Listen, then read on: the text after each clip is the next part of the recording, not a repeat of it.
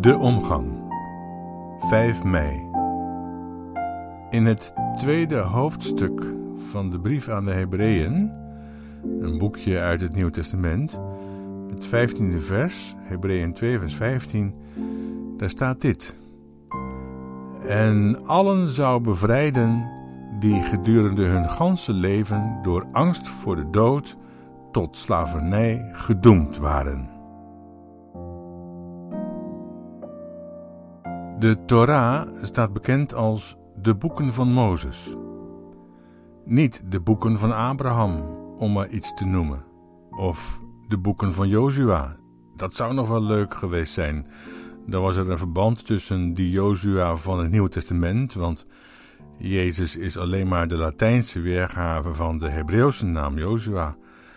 De Heer bevrijdt betekent dat. Zou mooi geweest zijn, dan paste het leven van Jezus helemaal in het verhaal van Israël en had niemand nog de neiging om het daarvan los te knippen. Mag je hopen. Maar waarom worden die vijf boeken al eeuwen gekenschetst naar die figuur van Mozes? Hij is immers niet de schrijver van die vijf boeken, want doorgaans beschrijf je bijvoorbeeld niet je eigen dood.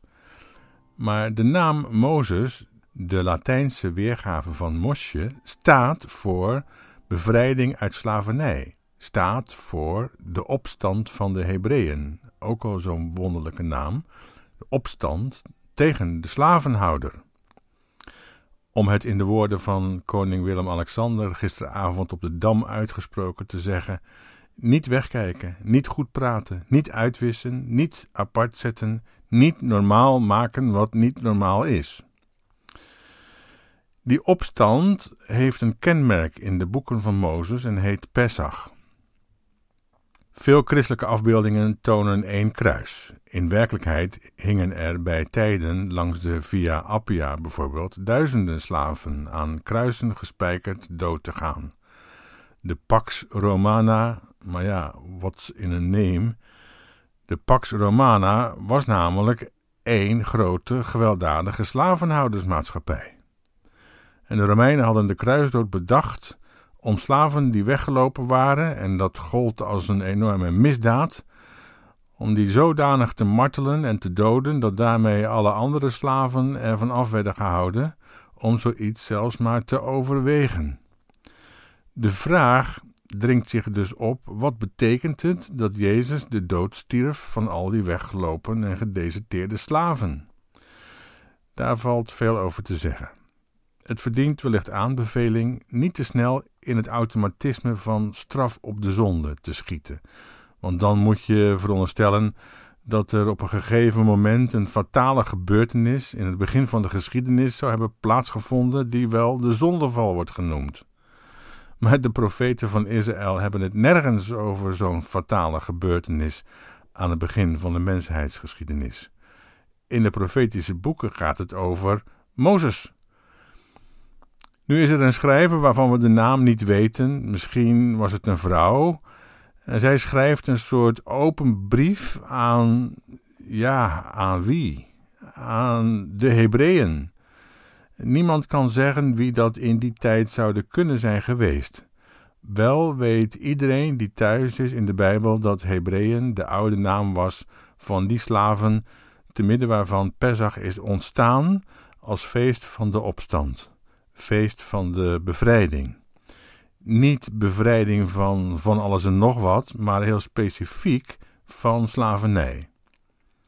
Slavernij is dat je geen eigen leven hebt, maar dat een ander een heer, een economische wetmatigheid, een macht, een kracht jouw leven in bezit heeft genomen en jij geen kant meer op kunt. Hoe word je dan in toom gehouden? Nou, door jouw angst aan te praten. Angst voor de dood. En in doodsangst verkerend ben je blijkbaar een makkelijk slachtoffer voor verslavende machten en krachten. Jezus doorbreekt dat fundamenteel. Dat maakte die eerste christenen tot vrije mensen. De dood was daarmee niet verdwenen, integendeel zelfs. Maar de dood kreeg door Jezus dood een andere betekenis. Zij kenden geen doodsangst meer En dat maakte hen midden in die Romeinse overheersing volkomen vrij, vrij van de slavernij. Ze lieten zich niet meer gijzelen. In moderne vertalingen wordt het woord slavernij wegvertaald. Daar willen we liever niet aan herinnerd worden als het over Jezus gaat. Maar dat is, hoezeer ook passend in onze moderne omgangstaal, toch geheel onjuist.